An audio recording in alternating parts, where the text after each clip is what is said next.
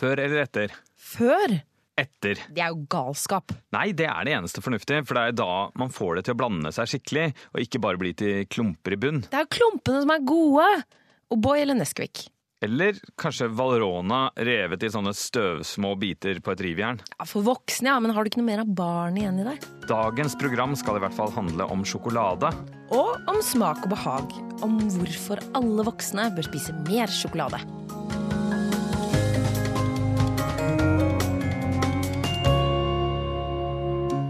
Den italienske futuristen Filippo Tomassi Marinetti drømte om at en gang i fremtiden ville man kunne formidle mat gjennom radio. At man rett og slett spiste det man hørte. Og slik har det blitt. Med dette programmet som vi har valgt å kalle nettopp Radiomat, skal vi prøve å gi deg spiselig kunnskap. I Radiomat skal vi snakke om matens kulturhistorie, om råvarer, om matens betydning opp gjennom historien, og i vår tid. Og vi skal snakke om smak. I studio ovenfor meg sitter matentusiast, kokebokforfatter og småbonde Andreas Wiestad, som begynte sin karriere med å lage sjokolademilkshake til jentene. Og overfor meg sitter matblogger, birøkter og radiomenneske Pia Skjevik, som ikke kjøper sjokolade. Nei, jeg lager den sjæl.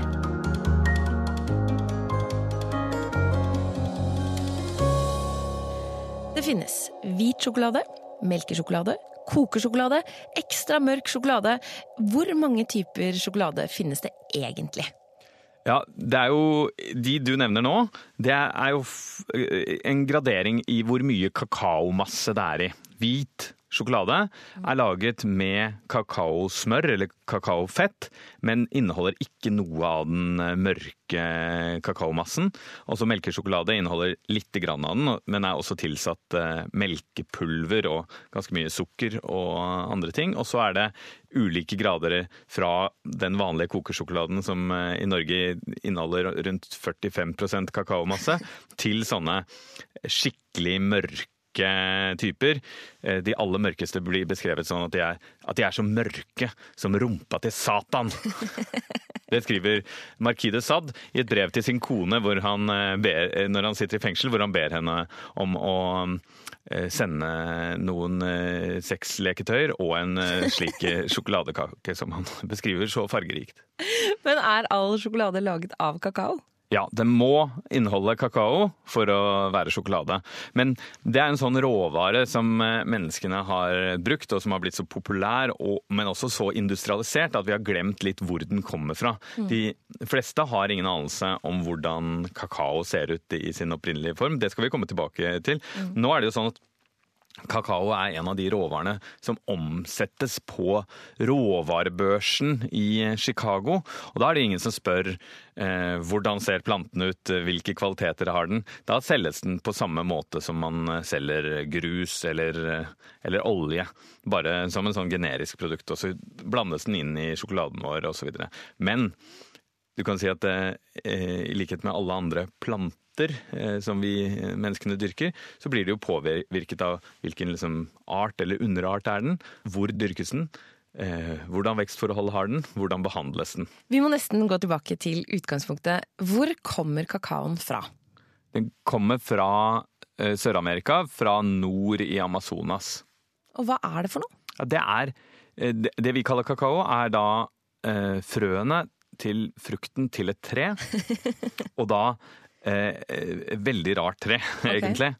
Eh, for det er et tre som ikke ser så veldig sånn eh, så veldig spesielt ut. Det ser litt ut som sånn orekratt eller sånn som vi har i Norge, men den har da eh, store eh, gule, oransje eller røde frukter som vokser rett ut av stammen. Altså ikke sånn som det er med epler, at, de, at eplene, frukten vokser ytterst på den ytterste gren, men vokser da rett fra stammen.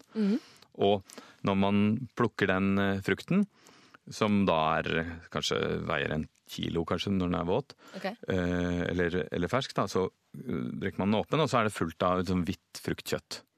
Og det er det man lager kakao av? Nei, men opprinnelig var det nok antageligvis det fruktkjøttet man spiste. Ja. Det, er, det, er ganske, det er ganske godt, egentlig. Ikke så veldig søtt. Det har litt sånn, en litt sånn syrlig aromatisk smak, litt som sånn litchi. Smaker det ikke sjokolade?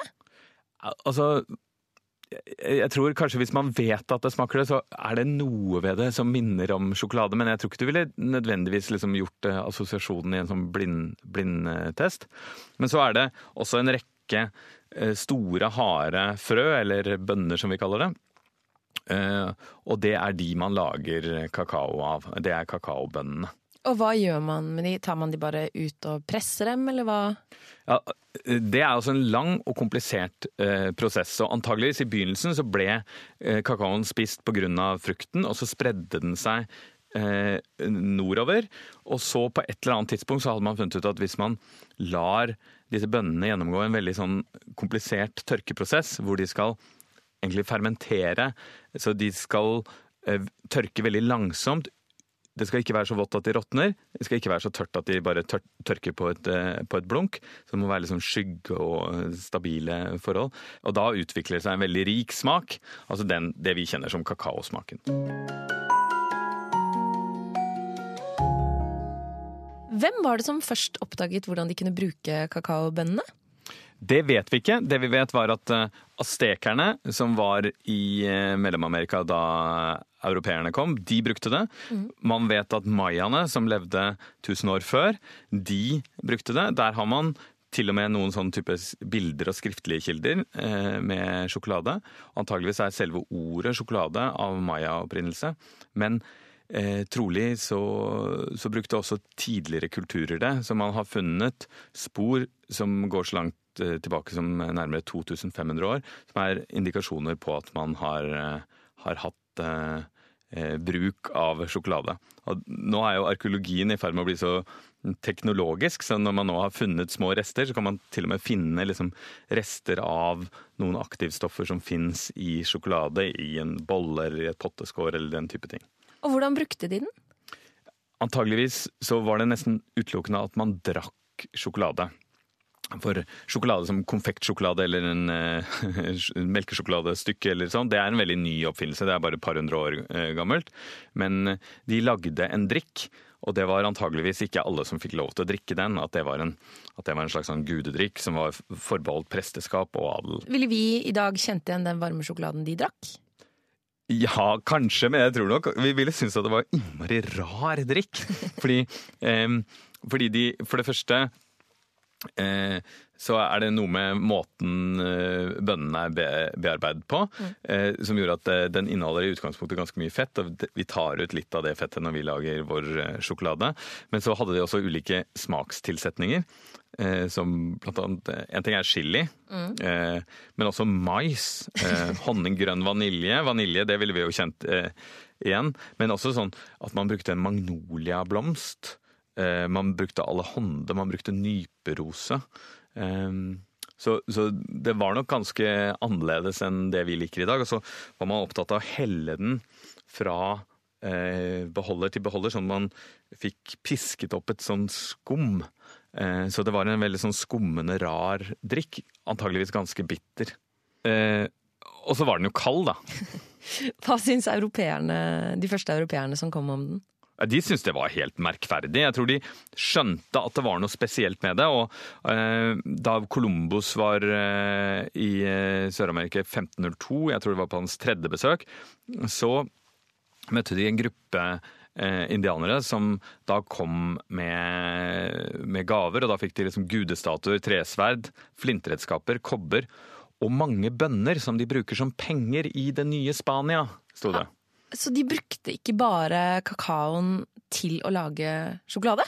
Nei, og, og, det er en annen historie om Cortés. Da han kom til eh, keiser Montezuma, så, så han også, spurte han også kan ikke jeg få komme til all, all deres rikdom. liksom Vise oss deres rikdom. Og da kom han inn i et kjempestort rom som bare var fullt av kakaobønner. Så de brukte det som penger, og det har de gjort lenge. Okay. Man har funnet det man mente var en falskmynt fra 100 år før vår tidsregning, som rett og slett er en falsk kakaobønne. En falsk kakaobønne? Ja, og det ville vært meningsløst å lage eh, hvis det bare var en, eh, en matvare. Mm. Men, eh, men, det var Jeg har en prisliste, da. okay, Kjør på. Ja. Et gresskar kostet fire bønner. En kanin kostet ti bønner. Okay. En prostituert kostet tolv bønner. En slave kostet fra 100 bønner opp. Og de ulike gruppene som da lå under Astekeriket de betalte skatt i en enhet som ble kalt karga, som var 24 000 bønner. Det er jo ganske liten forskjell på en kanin og en prostituert, da. To kakaobønner, bare. Litt senere i sendingen skal vi snakke om at sjokolade egentlig er ganske sunt, men det kan også være livsfarlig. Ja, det er en dramatisk historie på mange måter. Eh, europeerne møtte sjokoladen først med sånn frastøtelse. Dette er det ekleste jeg har eh, spist. Men ganske fort så fikk de smaken eh, på det. Så eh, det er en historie om en reisende som heter José Acosta, som kom til Amerika på slutten av 1500-tallet og besøkte noen av de europeiske bosetningene. Og han, eh, han sa at eh, jeg fikk denne gyselige drikken. Eh, eh, men spanske menn, og enda mer spanske damer, har blitt avhengige av den. Og eh, litt seinere kommer min liksom favoritthistorie, hvor det var en engelsk eh, reisende som het Thomas Gage, som eh, kom til Chiapas i, i Mexico. Og der var det full konflikt mellom eh, mellom biskopen og menigheten hans. Hvorfor det? Jo, fordi at alle damene i samfunnet, de, alle de fine damene, de påsto seg å være så svake og hadde, ha så dårlig mage at de måtte drikke kakao for å klare seg gjennom en hel, eh, hel gudstjeneste, for det var regnet litt, som litt sånn styrkende. Så da satt de der. Og så med denne, på denne tiden var det fortsatt da en sånn em, en sånn drikk du hadde i en spesiell kopp, og det var mye skum, og du satt antageligvis og slurpet, så det var litt forstyrrende. Så han ble rasende. Han, prøvde liksom å slå ned på det, så han sa til slutt at han ville ekskommunisere alle som spiste eller drakk under gudstjenesten. Ja, Ekskommunisere, det vil, det vil si at du blir sendt, kastet ut av menigheten og kastet ut av hele kirken. Ja. Så det er en veldig sånn dramatisk eh, straffereaksjon. Eh, og bare noen få dager etter, skriver denne engelske reisende, så ble han svært syk, og legene konkluderte med at han var blitt forgiftet, og så døde han. De tok hevn! Ja, og det morsomme var synes jeg Det aller morsomste var eh, hvordan hadde de klart å forgifte han? Jo, de hadde smuglet det i en kopp kakao eller sjokolade som han hadde drukket. Så han var liksom på sjokoladekjøret selv.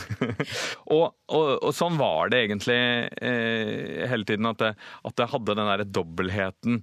Eh, man hadde store teologiske diskusjoner hvorvidt det var mulig å drikke kakao under fasten. Ja. Og da, da var det jo eh, da var det såpass populært blant presteskapet at man eh, stort sett eh, konkluderte med det. da. Det var greit å spise under, eh, under fasten. Det, så det kom inn eh, og forførte egentlig ganske mange, og det ble en sånn viktig hoffdrikk. Men den var jo veldig, veldig dyr da, i begynnelsen. Hvordan kom den til Europa? For her er det jo europeere i Amerika. Ja, men den første kommersielle handelsruten den begynte allerede i 1585. Ah. Og, og etter det så var det kontinuerlig tilgjengelig for eh, de rikeste. At, eh, at det var ikke lenge etter hvor eh, paven eh, smakte det og fikk smaken på det, og så havnet det i hoffet. eh, I, både i hoffet i Spania og i hoffet i Frankrike. Etter det så var det på en måte en europeisk mote, motedrikk. Hvorfor slo sjokolade sånn an i Europa? Nei, jeg, Du har jo smakt sjokolade. Det er på en måte et dumt spørsmål, for det er så godt. Men på den annen side, veldig godt spørsmål. Eh, Det er jo ikke alle, alle ting som slo an. Og noe av det handlet om at man var fascinert av alle de tingene som kom fra Amerika. Men eh, noe av det handlet også om at eh, det slo an ekstra mye blant damer. Og det var nok fordi at det var begrenset hvor mye damer kunne kose seg med f.eks. alkoholholdige drikker. Okay. Det ble regnet som uh, usømmelig.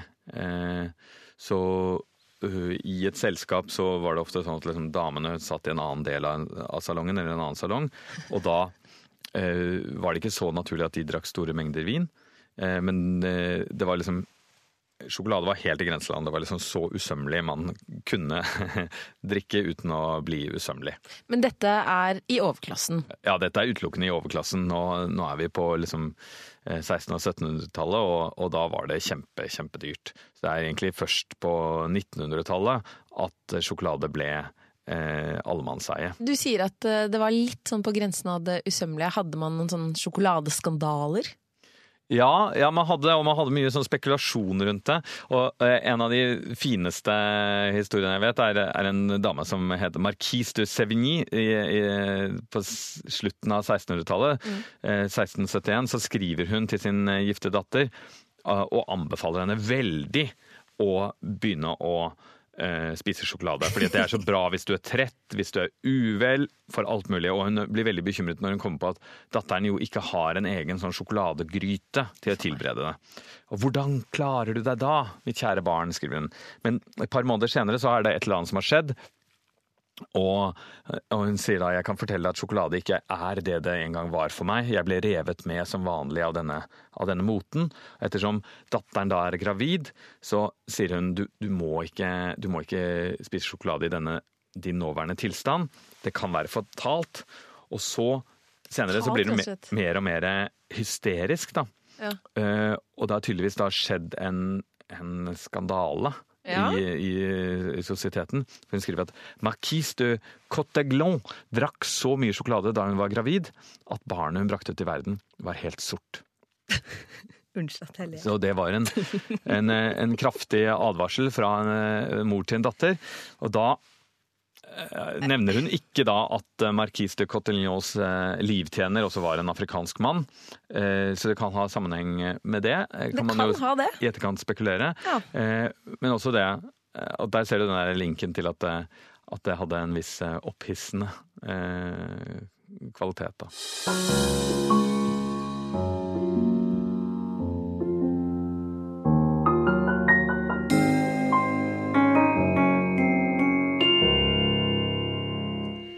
Mye snakk om eh, sjokolade og damer, og dette vet kanskje ikke du, Andreas, men eh, man kan nesten ikke åpne et dameblad uten å lese et eller annet sted at sjokolade gjør deg lykkelig. Er det sant?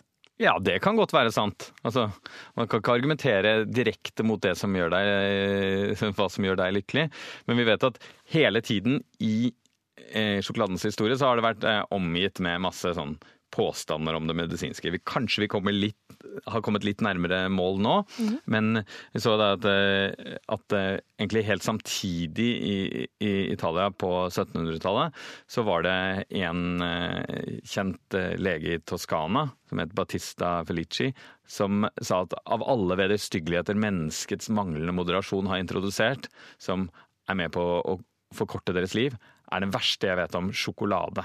Det får sindige mennesker til å bli skravlete og barn til å bli så agiterte at de ikke klarer å sitte stille. Og det er jo noe, er jo noe sant ved det. Ja da.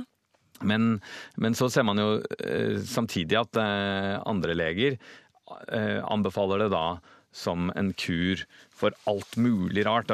Min aller, aller beste er en sånn reklame for sjokolade.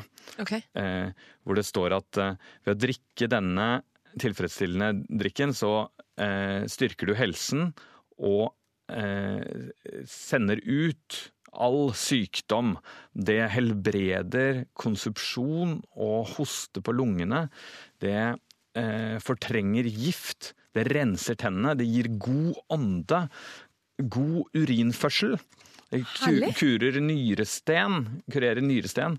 Og det gjør deg fet og korpulent. Herlig! Vakker og medgjørlig. Ok, Men i den moderne legevitenskapen, da, hva, hva, hva sier de om sjokolade? Altså det kommer an på hva slags sjokolade du spiser.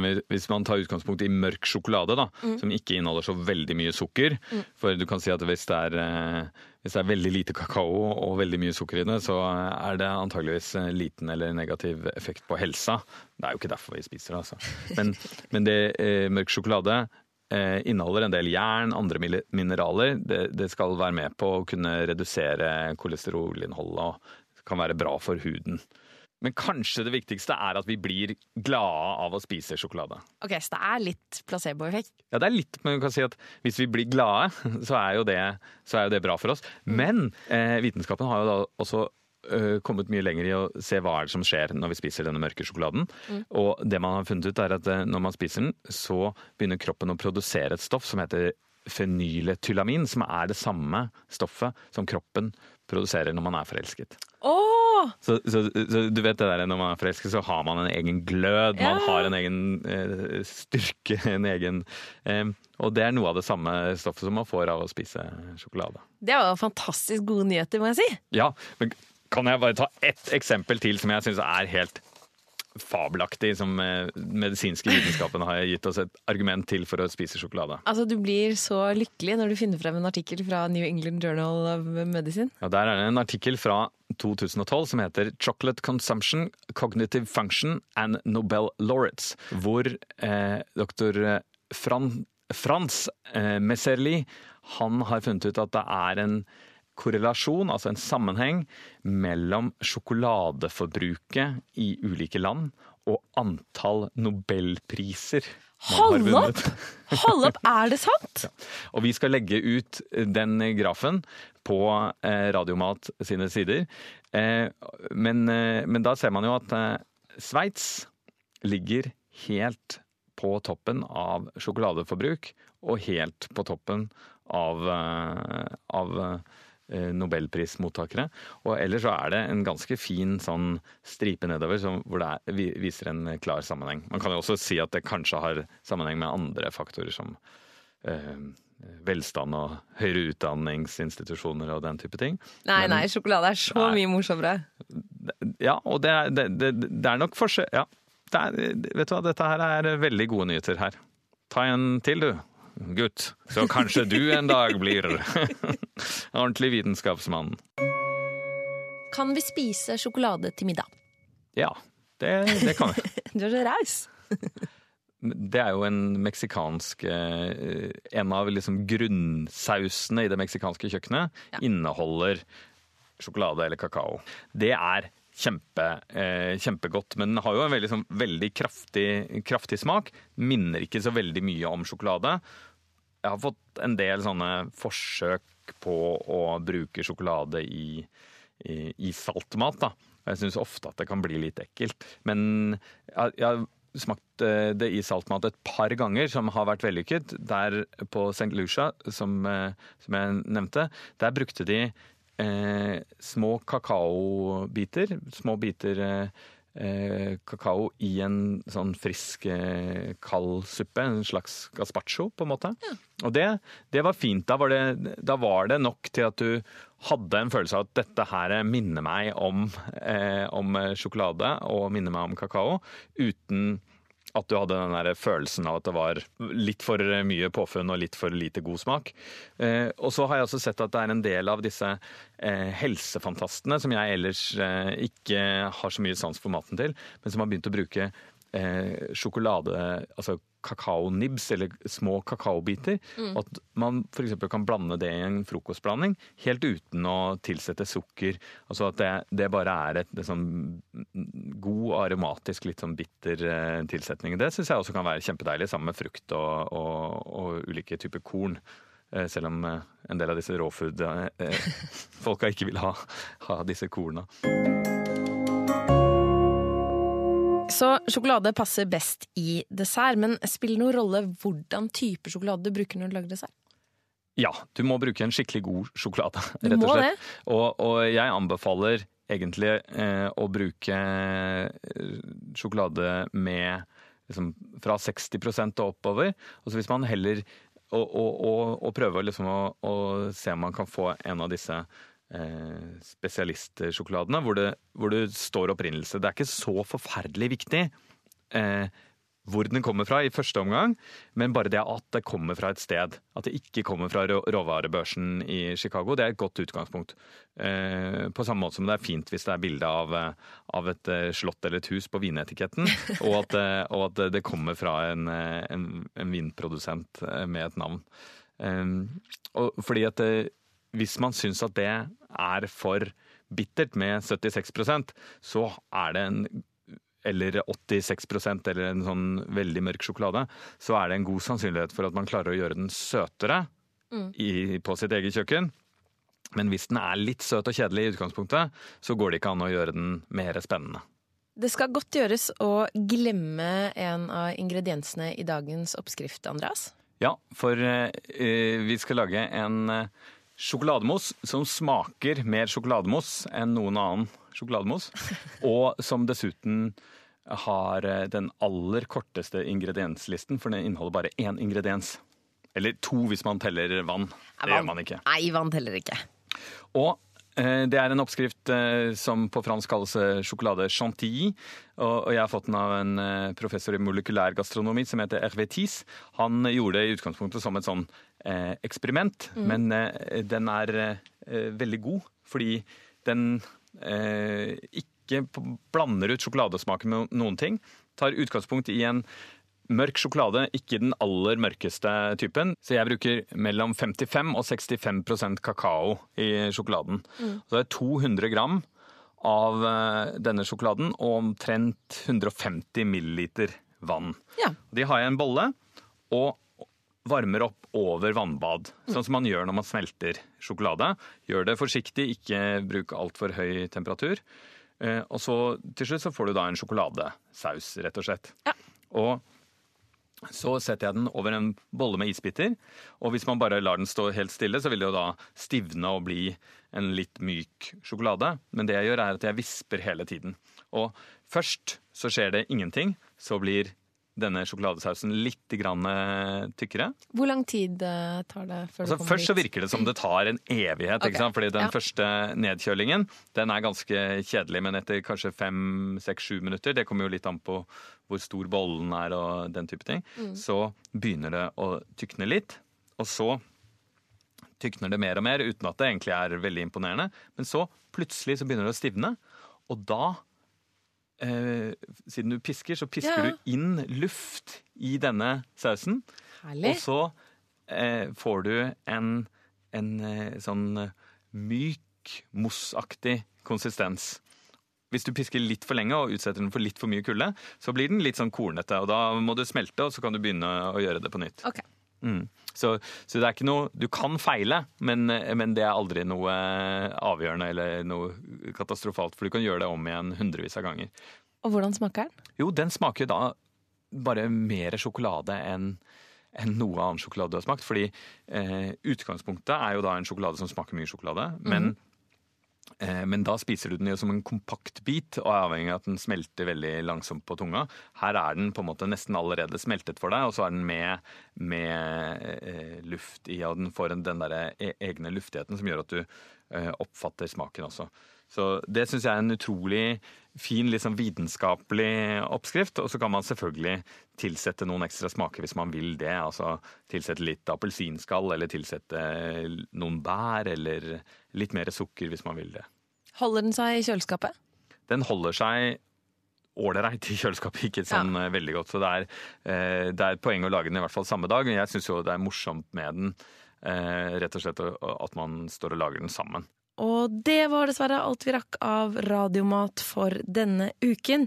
Men Radiomat-universet lever videre på sosiale medier hver eneste dag. Søk opp eh, NRK Radiomat på Instagram eller Facebook. Og hvis du vil høre programmet igjen, eller kanskje dele det med en venn, så får du selvfølgelig Radiomat som podkast. Og du, når du først er inne på podkastsiden din, så må du gjerne både abonnere på NRK Radiomat og gi oss en karakter. Da blir det nemlig enda flere som får stilt sin nysgjerrighetssult på mat og mathistorie. I alle fall for noen timer. Og gi oss eh, kommentarer på e-post radiomat at nrk.no. Vi er tilbake neste uke. Jeg heter Andreas Wiestad. Og jeg heter Pia Skjevik.